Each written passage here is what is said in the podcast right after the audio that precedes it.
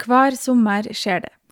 Det har vært stekende sol i flere dager, og alle taler om at det her må være den aller heteste dagen som vi har opplevd. Du kikker kanskje bort på temperaturmåleren i vinduet eller på verandaen. Hæ, 39 grader?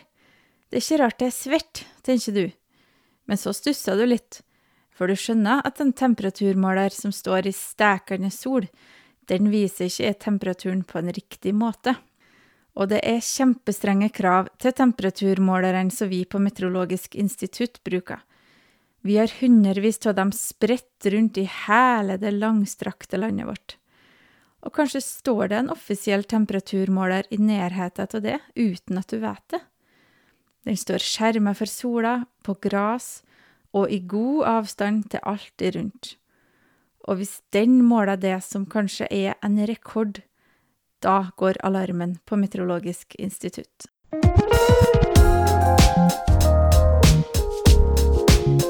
Velkommen til VR-podden som presenteres av Meteorologisk institutt. En podkast der meteorologer finner svar på de viktigste, men også de rareste spørsmåla innenfor vær og klima. Jeg heter Kristin Sæther, og i dag har jeg fått selskap av Nina Elisabeth Larsgaard, som jobber på observasjonsdivisjon på Meteorologisk institutt.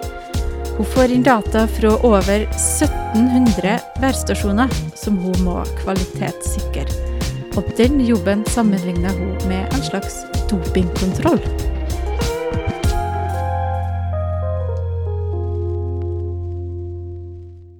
Velkommen til VR-podden, Nina.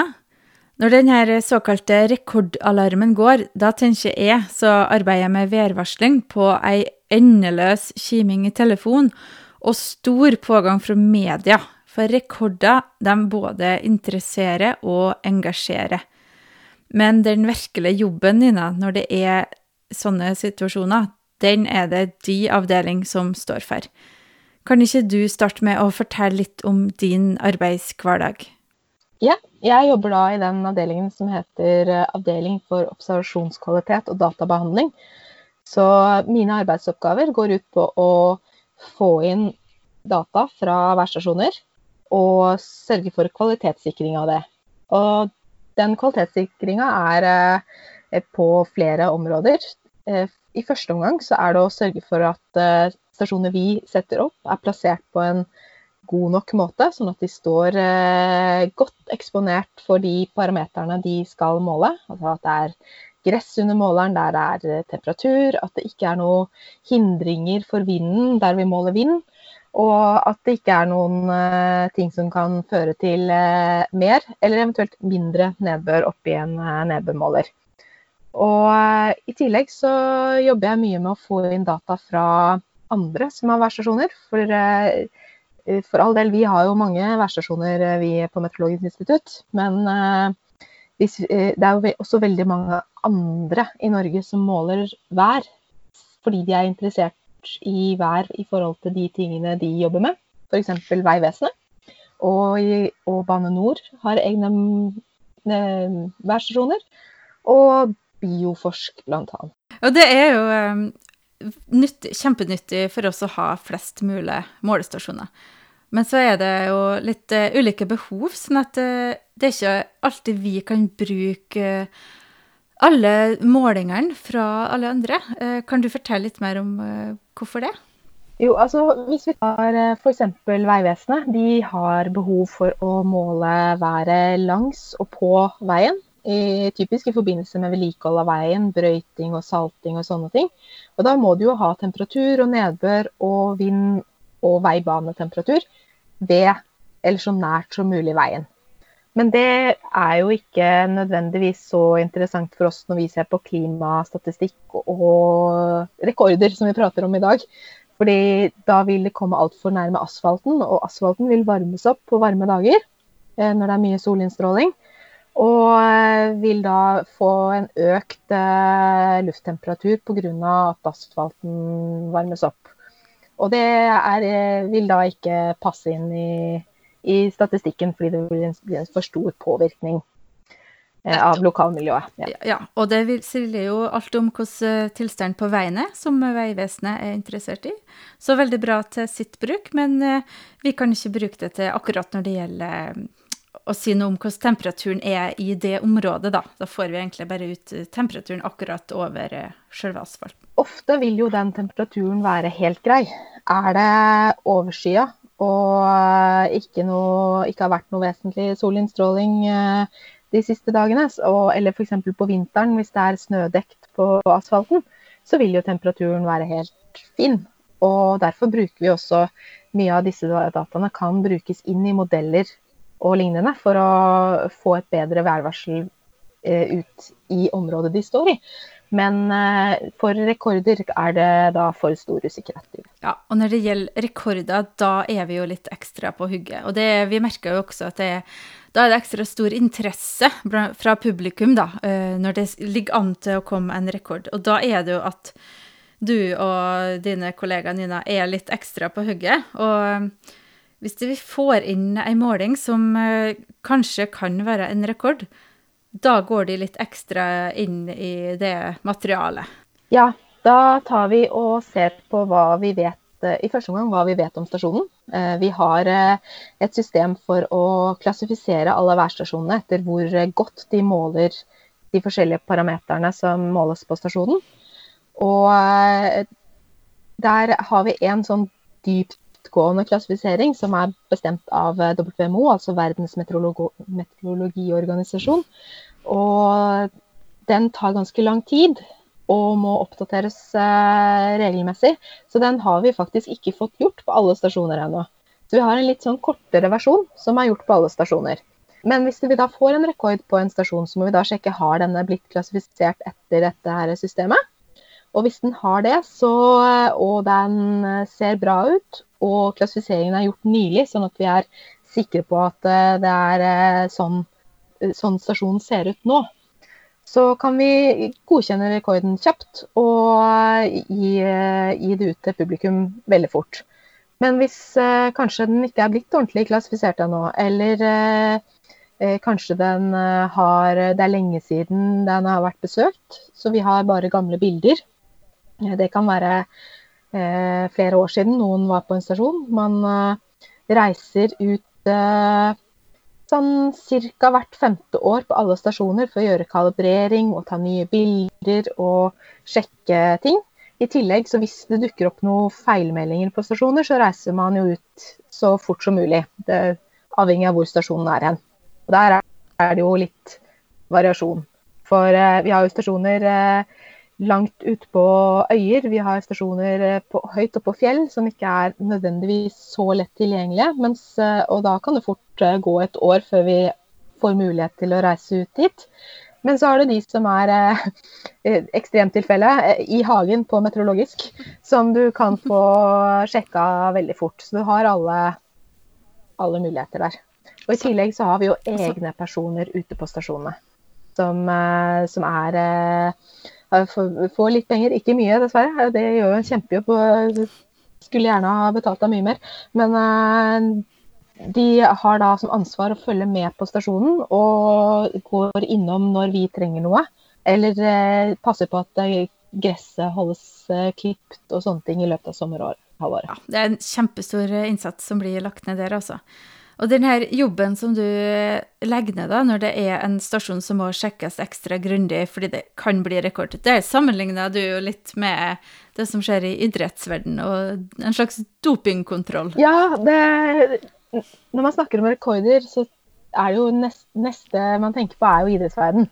Og eh, der er det jo også sånn at ikke alle kan komme og si at eh, ha-ha, jeg har løpt 100 meter eh, med ny verdensrekord. Det krever at man har gjort det under samme, samme forhold. Altså man har ikke noe fordeler med noe spesialsko eller eh, ut, annet utstyr eller doping som gjør at du, du, får fordeler fremfor de andre. Og det må jo også være dokumentert uh, at, at, det er gjort riktig. Så eh, det er jo på en måte dopingkontrollen vi gjør, da. Og eh, som i idrettsverdenen, så noen ganger tar dopingkontrollen lengre tid enn enn man skulle ønske. Og noen ganger så skjer jo eh, Hvis en idrettsutøver blir tatt i doping, eh, eller det blir oppdaga i ettertid at en idrettsutøver har vært dopa, så blir jo den eventuelle rekorden strøket, og medaljer blir henta inn og sånne ting. Og det har jo faktisk skjedd med eh, verdens Det som lenge, lenge sto som verdens eh, varmeste plass, den stasjonen ble da mistenkt for doping i lang tid etterpå. Kan du fortelle hva som skjedde der, Nina? Ja, Den høyeste temperaturen som er målt på jorda, var veldig mange år oppgitt som 58 grader. Og det var da registrert i El Aziza i Libya, og det var helt tilbake i 1922. Og eh, i 2012 gikk eh, WMO, altså Verdens meteorologiorganisasjon, eh, gjennom den rekorden og konkluderte i rapporten sin at den ikke kunne godkjennes. Og det var det fem grunner til. Instrumentet var ikke av beste kvalitet selv for den tida. Og observatøren var uerfaren, så han hadde sannsynligvis gjort feil både på avlesning av instrumentet og registrering av målingen i boka de brukte til å registrere målingene da. Og så var det delvis betong rundt hele, hele målstasjonen. Og det har vi jo allerede sagt at det ikke er bra nok for meteorologiske målinger. Og så var det ingen av nabostasjonene som hadde noe særlig tilsvarende temperatur. Og det henger jo vanligvis sammen. Eh, selv om det ikke blir like varmt på de nærmeste målstasjonene, så vil de ofte i hvert fall vise samme tendens, selv om de ikke alle har samme temperatur. Og så var det jo da at uh, ingen andre målinger på denne stasjonen har vært i nærheten. Verken før eller etter. Altså da, det var veldig avvik fra andre målinger på stasjonen. Så det høres jo tvilsomt ut, da. Det, og det skjedde jo Da ble jo resultatet at denne rekorden ble underkjent 90 år etterpå. ja, det er litt morsomt, altså. Og da er det noen kanskje i Death Valley da, i USA som kanskje er litt glad for det. De står med verdensrekorden da, på høy temperatur. 56,7. Å, 56,7. Det er faktisk eh, ganske langt unna. Eh. Og det var da fra 1913, så den hadde jo vært, hatt rekorden før. Ja, nettopp. Hun ble satt tatt i uh, El Aziza. Så foreløpig da er altså Death Valley verdens varmeste plass. Det er, her er jo litt artig. Og Norges varmeste plass da, Nina? Hva er det? Det er uh, foreløpig Nesbyen med 35,6, så vi ligger jo litt uh, unna verdensrekorden. Men ja, heldigvis. helt ærlig, jeg er veldig glad for det. Jeg er ikke så, ja. jeg er ikke så opptatt av ekstremvarme, så Ja, 35,6 altså i Nesbyen, og det var i 20. juni 1970. Det er litt interessant at det er, såpass gammel. Så det er Men det er fortsatt mulig å slå den, da. Vi kommer nok, eh, dessverre får vi nesten si, til å gjøre det, kanskje. Eh, vi får se. Men det er også mer enn varmt nok, eh, kan vi konkludere med, da, i Nesbyen. Ja.